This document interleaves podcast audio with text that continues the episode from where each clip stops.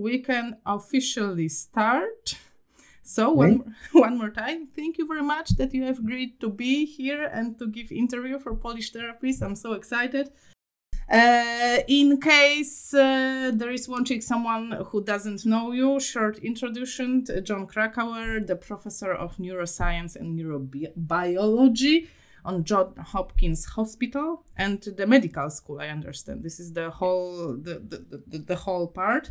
And as far as I read your papers and watch your movies, you're the neuro enthusiast. Uh, am I right? Um, I'm not quite sure what that means. You mean uh, that I believe that there should be a neuroscientific basis for therapy? Is that what you mean? Yes. And yeah. that you want to know all the aspects of the neuroscience and uh, this uh, re- rehabilitation, neurorehabilitation, I should call it like that. Yeah, so I think I think that uh, that there needs to be more science, more evidence, and some more new thinking in the rehab field, definitely. Yeah. Yes, and your main interest is in stroke patients. Am I right? This is what the book says: uh, the neurobiology of motor recovery after stroke. Yeah. So, so yes, I mean, I think my clinical specialty as a neurologist is stroke. But I'm really a stroke neurologist. I look after patients after acute stroke. I'm not a physiatrist. I'm not a rehab doctor. Um, so my interest, I, am a neurologist who looks after stroke patients. And then I was a neuroscientist, am a neuroscientist who's interested in the motor system.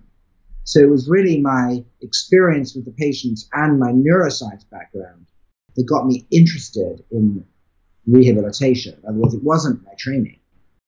I was a neurologist and a neuroscientist. In the United States, we call people who are rehab doctors physiatrists. Right? Mm-hmm. So I came in a way from the outside.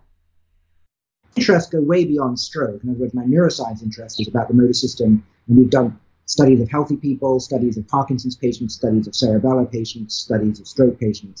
So my scientific interests are broader than stroke. Uh, First rehab challenge, I think, is, is stroke. Yeah. And the book is concentrating on stroke, yes. How many years do you do it? Um, think I've been a, a stroke neurologist since 98, 99, uh, 2000, around there. And then I, I, had my, I started my own lab in 2004, but I was doing doctoral and postdoctoral work in a motor control lab since 1996. So I was really training up until the early 2000s. Then I was a stroke neurologist and then opened my own lab at Columbia University in New York. Yeah.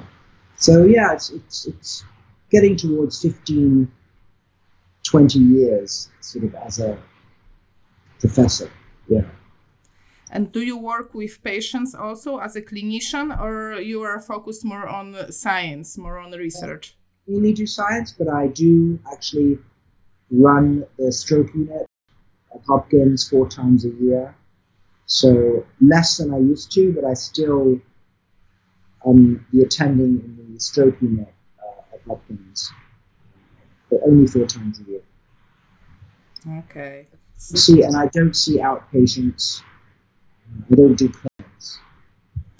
I understand. So, I mean, at Columbia, I, I had you know, regular office hours for like 10 years. But I don't do that anymore. So, with your experience after all those years, can you explain, like, for the five year old, how it is made that the brain controls our movements? How, how does it work? Do we, do we really know? No, I would say the answer to that is no.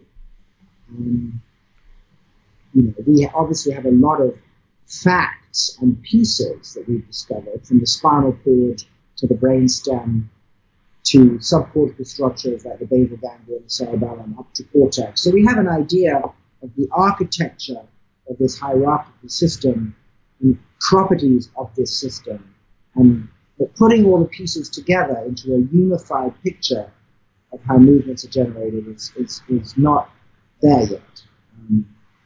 And then we know that stroke effects can potentially hit any part of the system and cause deficits. I think it's very important for people to understand the difference between understanding how the healthy brain works and what happens after it's injured. Um, obviously, it seems the case that the more you understand the healthy system, the better you'll be able to fix the unhealthy system. But that's not as easy as it sounds. It's not as obvious the connection as it sounds. So many neurologists don't follow the neuroscience literature. Right? In other words, you can be a perfectly good neurologist of Parkinson's disease uh, and not really know the latest research about basal ganglia. And stroke neurologists aren't necessarily following the literature on the brainstem and motor cortex. I would argue that it's good to know those things. But a lot of stroke neurologists treat the brain like the heart. They're sort of cardiologists of the brain. So even for neurologists, not just therapists, we need more neuroscience. But we do know, just to ask your, answer your question more specifically, that stroke, the classic hemiparetic stroke, is a disease of the corticospinal system.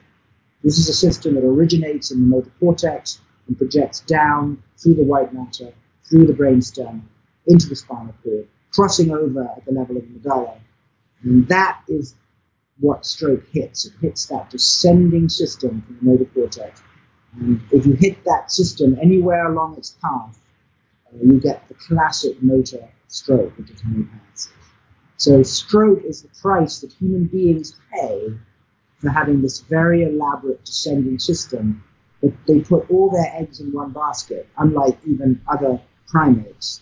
And so if you hit that system, you're severely affected, and recovery is very difficult. So that's what you should you need to know is stroke is a disease primarily of the cortical spinal tract and the upregulation of other descending pathways. So we can basically say so every stroke patient will have problem with tonus regulation and with motor control. Well, if it hits the cortical spinal tract, right, you can have strokes that have no motor symptoms. You just have aphasia or neglect or other deficits.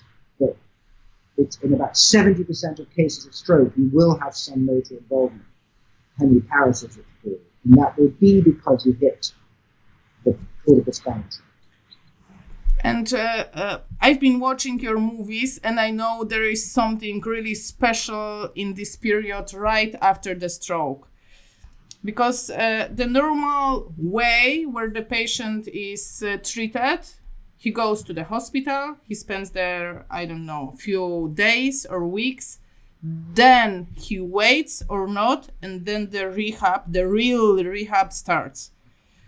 And uh, this was this uh, this knowledge brought me to you that there is something important in that period. Do we know uh, i was watching your movie from 2017 and then you said uh, we don't really know what happens then there yet. So what is the yeah what is I mean, the state of knowledge now? Well i mean there's been a lot of investigation over many decades of sort of developmental plasticity, sort of this idea that early on in development, brain is, the nervous system is very plastic. And the notion of critical periods, going back to patching the eyes of cats and showing that if you patch the eye during an early period, it can never get its vision back. So there's been this idea of developmental critical periods, periods of, of plasticity that if you don't experience within those windows, you can't get it back that kind of idea. Mm-hmm.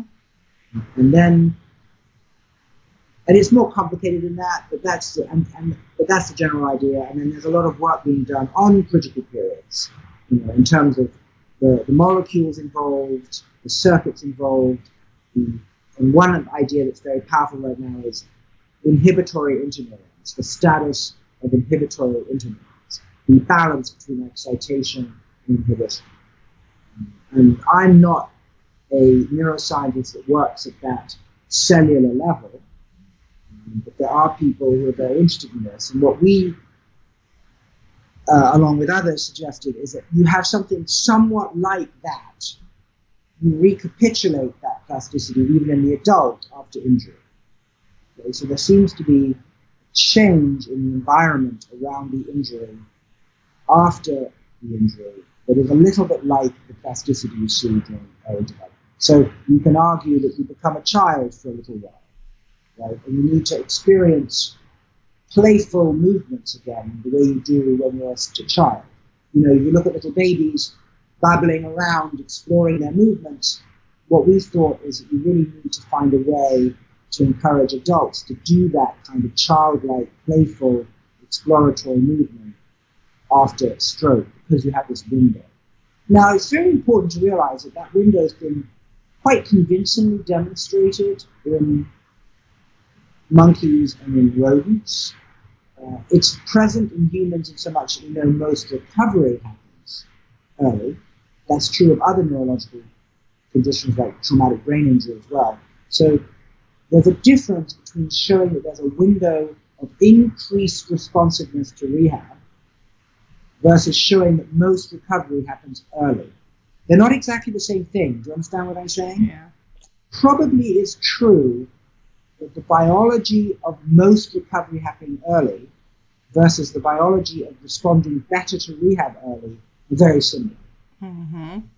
So, but shown the, the equivalence of those two things has not yet been shown. You see what I'm saying? It's a yes. subtle point. So they're not the same. I understand that we are not uh, pretty sure if the early rehabilitation uh, brings that uh, the, the, this process even up. Am i understanding this correct? So we know there is some kind of process which uh, works. I will ask you how how how much time. So we have this period. Something's happening in the brain but we don't really know if the rehab is helping. That's right. In other words at the moment I would say that we don't have enormous amount of evidence that we can increase it even more. Right? Whereas in the rodent and primate literature, the non-human primate literature, there is a suggestion that more training in that period will make you recover even more. Uh, and now we have some evidence, um, a colleague of mine in Holland, Gert Kwakkel, also has some evidence that more training early is better than none. In other words, my suspicion that we will show that not only do you do most of your recovery early, but if we do the right kind of treatment with higher intensity and higher dose early, we'll do even better. Mm-hmm. And what does it? Do? Huh? I've lost the hearing. I've lost uh, the. Uh, oh, can you say something? I've lost. Yeah. Oh, no, no, it's fine. That's an open question still. Okay, uh, but can we say what the period of time is? How long time do we have for these special processes?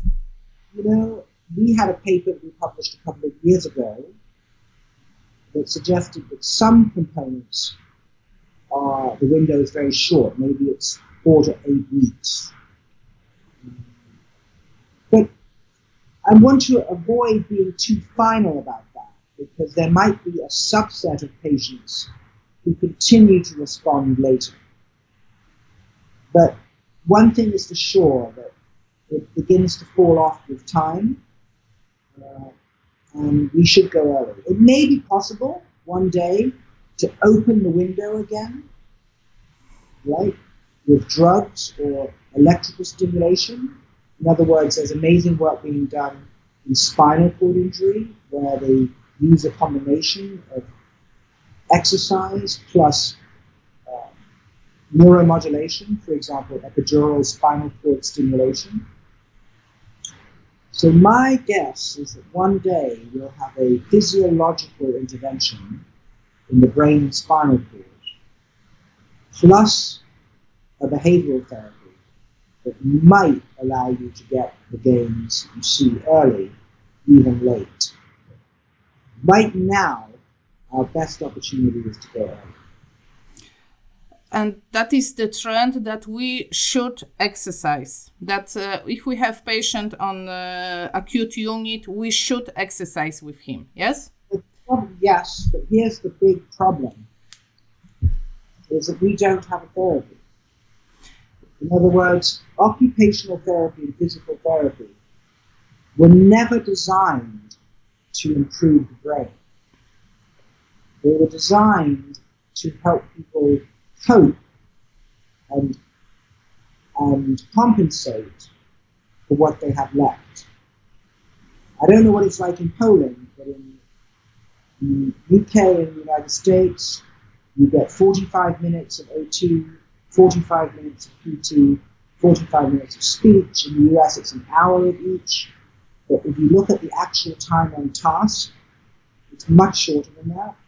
For the upper limb, for the arm and hand, uh, a scientist called Catherine Lang at Washington University in St. Louis uh, has shown that you spend about 11 minutes on hand. Yeah. Right, arm and hand. So yeah. the problem is, is that we give too little therapy, and we don't really know how to treat at the level of impairment. We treat at the level of compensation. Mm-hmm. So that we should go early is only the first piece. Now what we need to do is come up with a brand new behavioral therapy. And I don't even think it should be called rehab anymore. Um, I'm thinking about uh, what you've you, what you've told in Poland. It is really popular to be a therapist uh, to use uh, the tools like PNF or Bobath therapy, which are designed for neuro rehabilitation.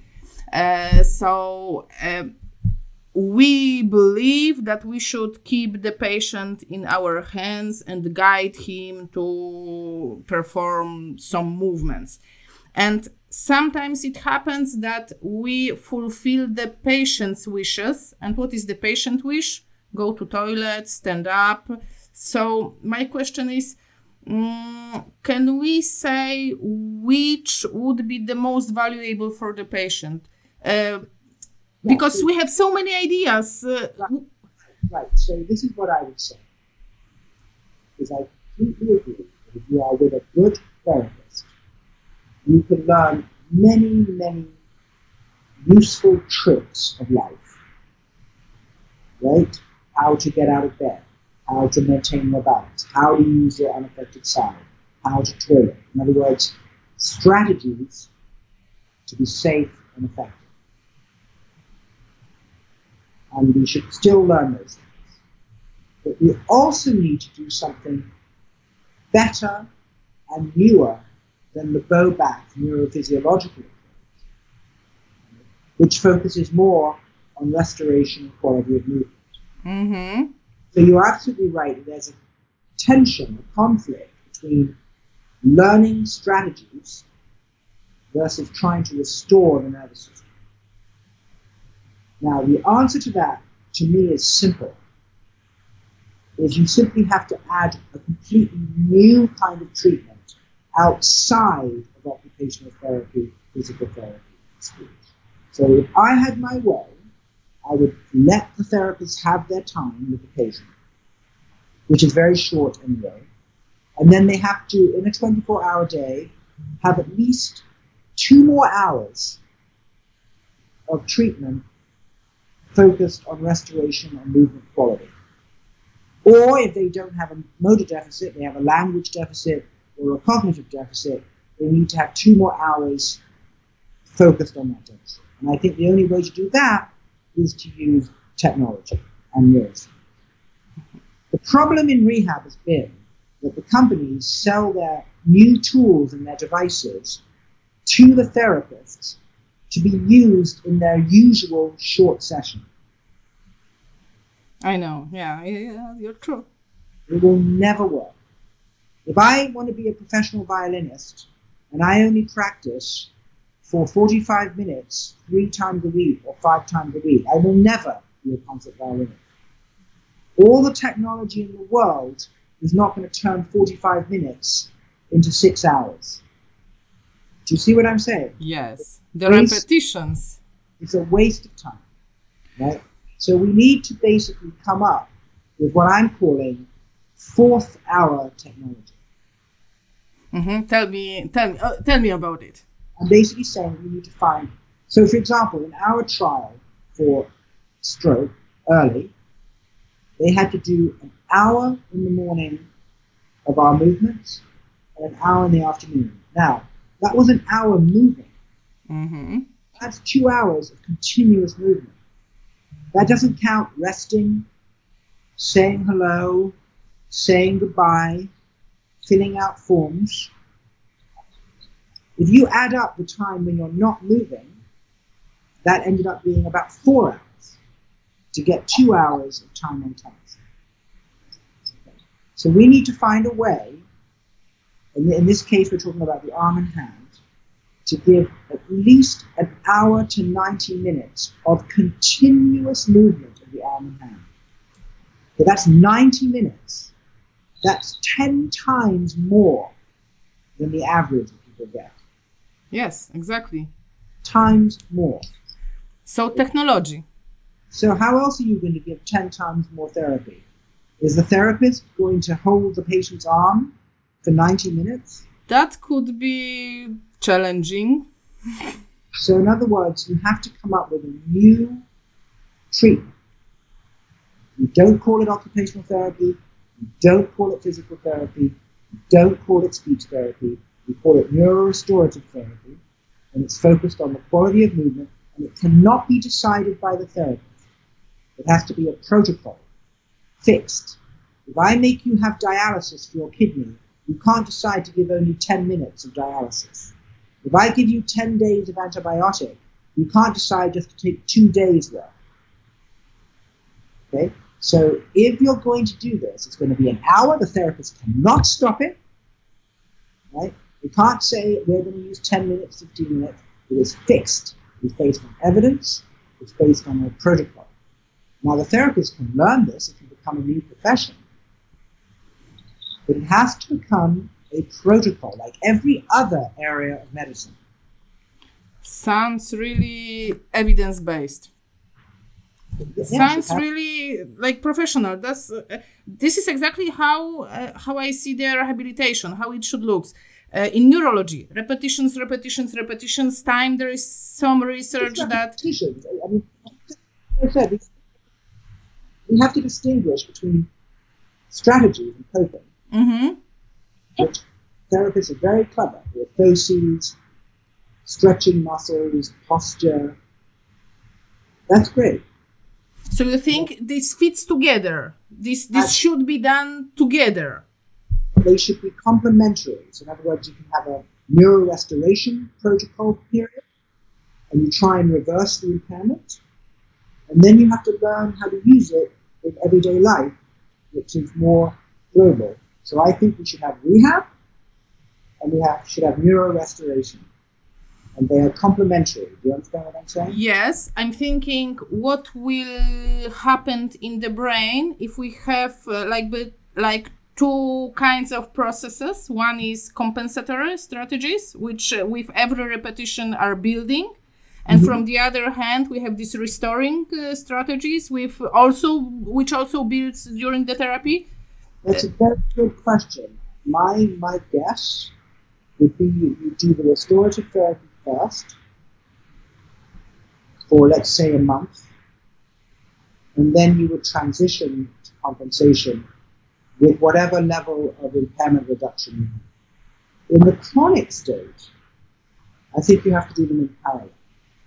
Mhm. And do you think we can use uh, some kind of these restoring strategies uh, right now? So it's obviously that we don't have equipment, we don't have uh, possibilities, but uh, maybe there is some kind, you know, to just start. Well, I mean, the only way to just start now is you have to do regular therapy for more hours. So, in other words, that's one possibility. In other words, you simply do whatever people do, and instead of doing it for an hour each, you have to do each one for two to three hours. So the time will be the first change. But yes, but, but as time is not magic alone. I mean, it matters what you do with time. Yes. And my position is, I don't think more of regular therapy is the correct thing. I think we have to come up with new technology-based approaches that look at movement quality rather than task completion. Mm-hmm. And, and that technology needs devices for the hand, weight support, um, and movement quality based movements outside of a task context.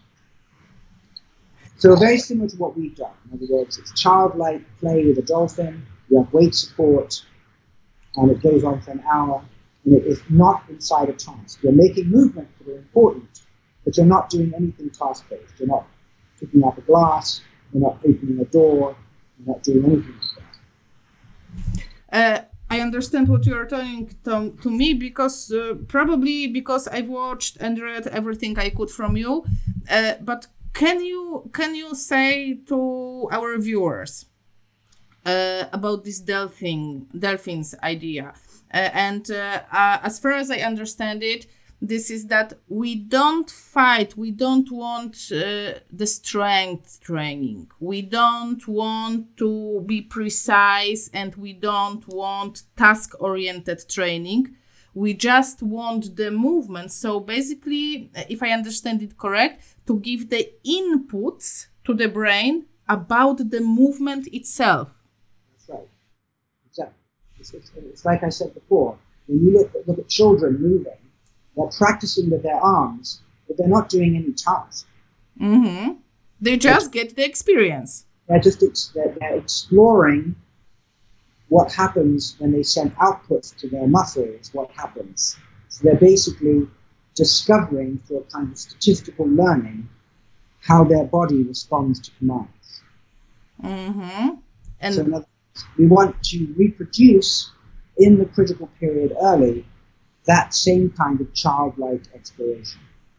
And then, if the patient collects these experiences, the uh, with children is the task. I want to get that toy. And then, when they have done that, then they can start doing tasks. So after, after. So first, just the movements experience, then the tasks, and at the very end is the strength or precision? Well, precision happens during the initial part. In other words, in our games, the more precise your movements with weight support, the, the, you know, the better you do.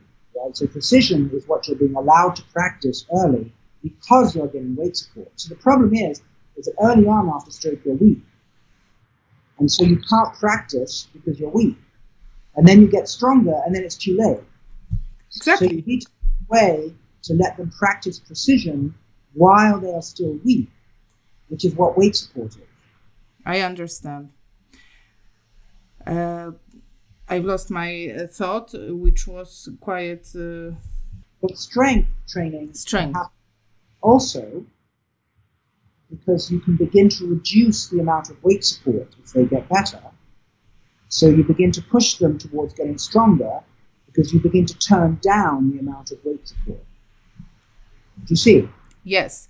And my thought all, um, also is that this is what I uh, tell to therapists take care of the range of movement because if we if the brain will start to reorganize maybe we will get this control but if we lose the range of movement it's useless that's true, although the only thing I would say to that is passive movements don't help very much.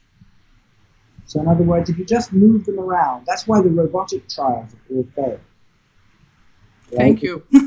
Thank you. The idea wasn't wrong, but it's just that it was passive. So, you, so the, the good thing about weight support is that we give weight support, but we don't give any assistance in the direction of movement. So you get both. You get strength support, but the actual movement you make is your own. It's like being in space, right? If you're in space, you feel lighter, but you have to generate your own movements even in space. Do you see what I'm saying? Yes. Uh, I will. I will ask you the question, the Polish field question. In Poland, is really popular this therapy. Um, we call I don't know how to call it the string therapy therapy when you put the limbs on the strings and yeah. patients uh, are exercising uh, on those strings. That, that's a great idea. I mean, that's basically weight support. You can use an expensive robot to do that, but you can also use strings. But there is one problem. patients are so motivated that they wave their limbs so much they hurt their shoulders. Oh, okay. But then you have to.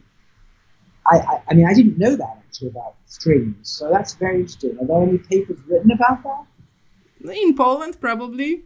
I will yeah. find and send you. Sure, that's very interesting. And yes, well, that's why you need therapists. We're not trying to get rid of therapists or somebody. Maybe we won't call them a therapist. Thank you. Need... This is first time you, you you've told we need therapists. Thank you. No, no, I, I, I'm just saying that you mustn't distinguish between therapists and the kind of therapy they've been taught to give. Exactly. Yeah.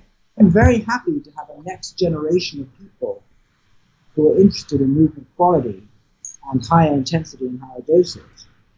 But that's not what they're currently taught. And what happens is that when technology companies come to therapists, therapists give advice based on their old way of thinking.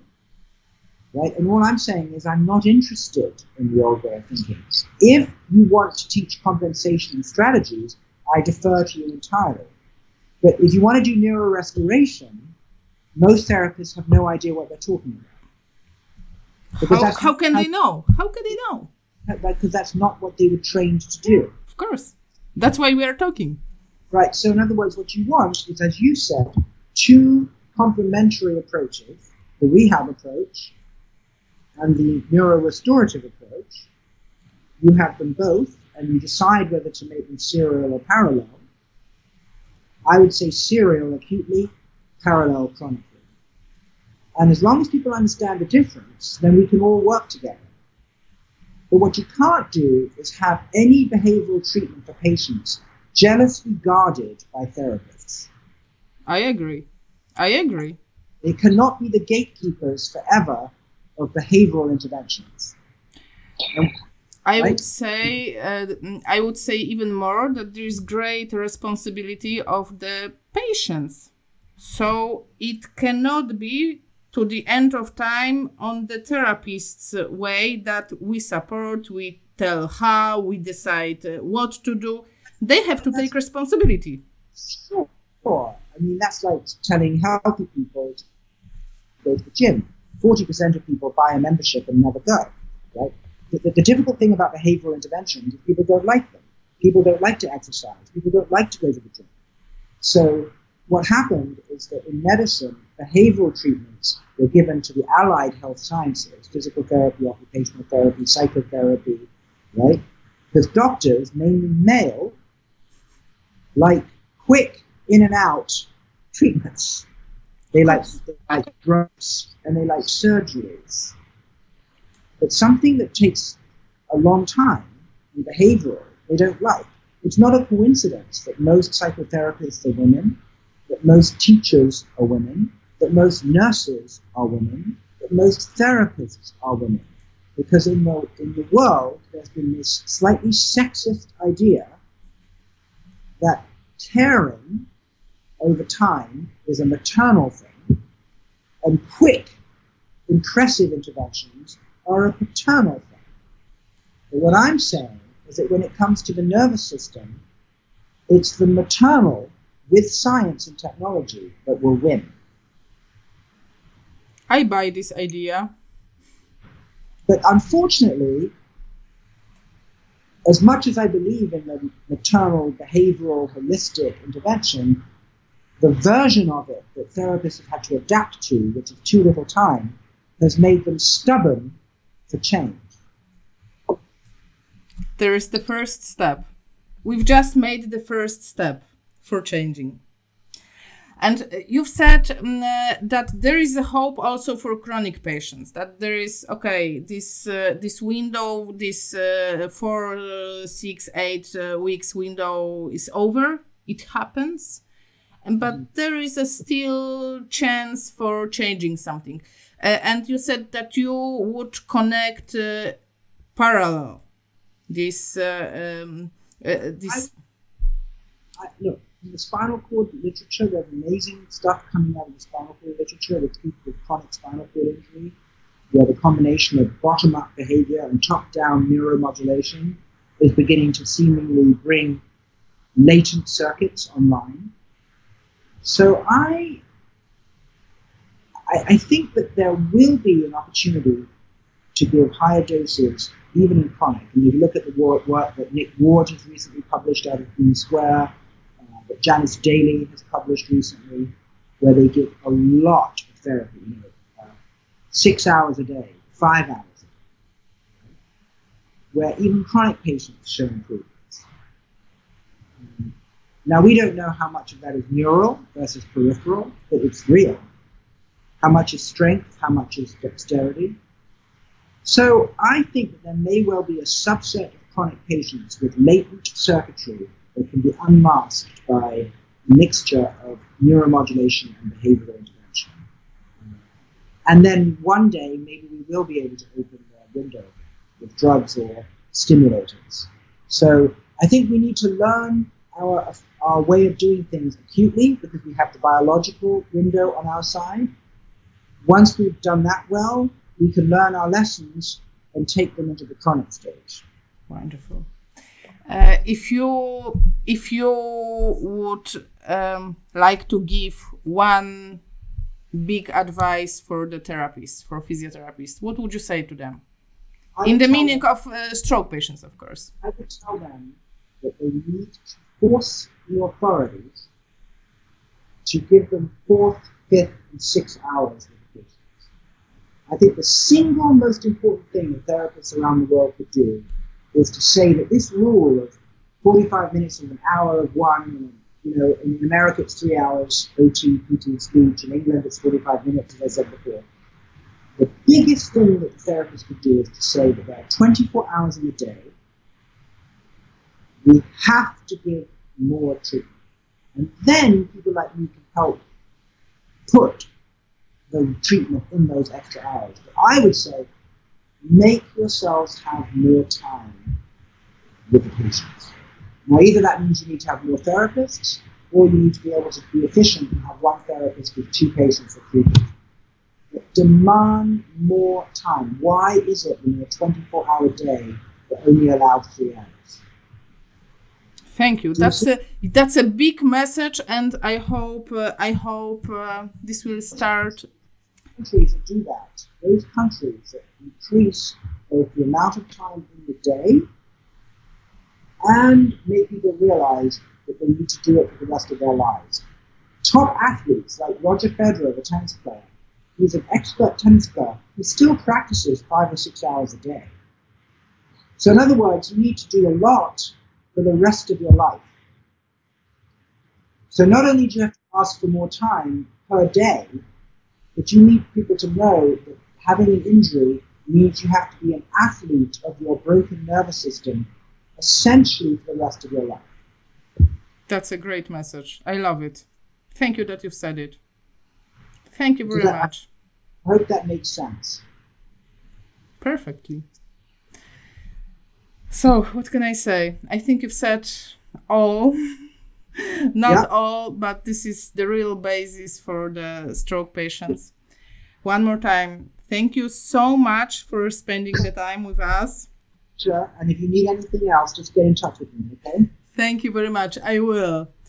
All right. Bye by the way, you should note my name is actually Krakow, which is from the city in Poland. And it turns out that on my father's side, his father was Polish. Oh, really? A quarter Polish. Cool. How cool is that? A word of Polish. I was wondering if you are the family of the famous alpinist. Uh, no. Um, I think it's more likely that I'm related to the uh, German philosopher Siegfried Kracauer in Berlin. But uh, I'm not related. I don't think I'm related to the uh, mountain climber. We sometimes receive each other's emails, but we've never actually met. so one more time. Thank you so much. Bye bye bye. Take care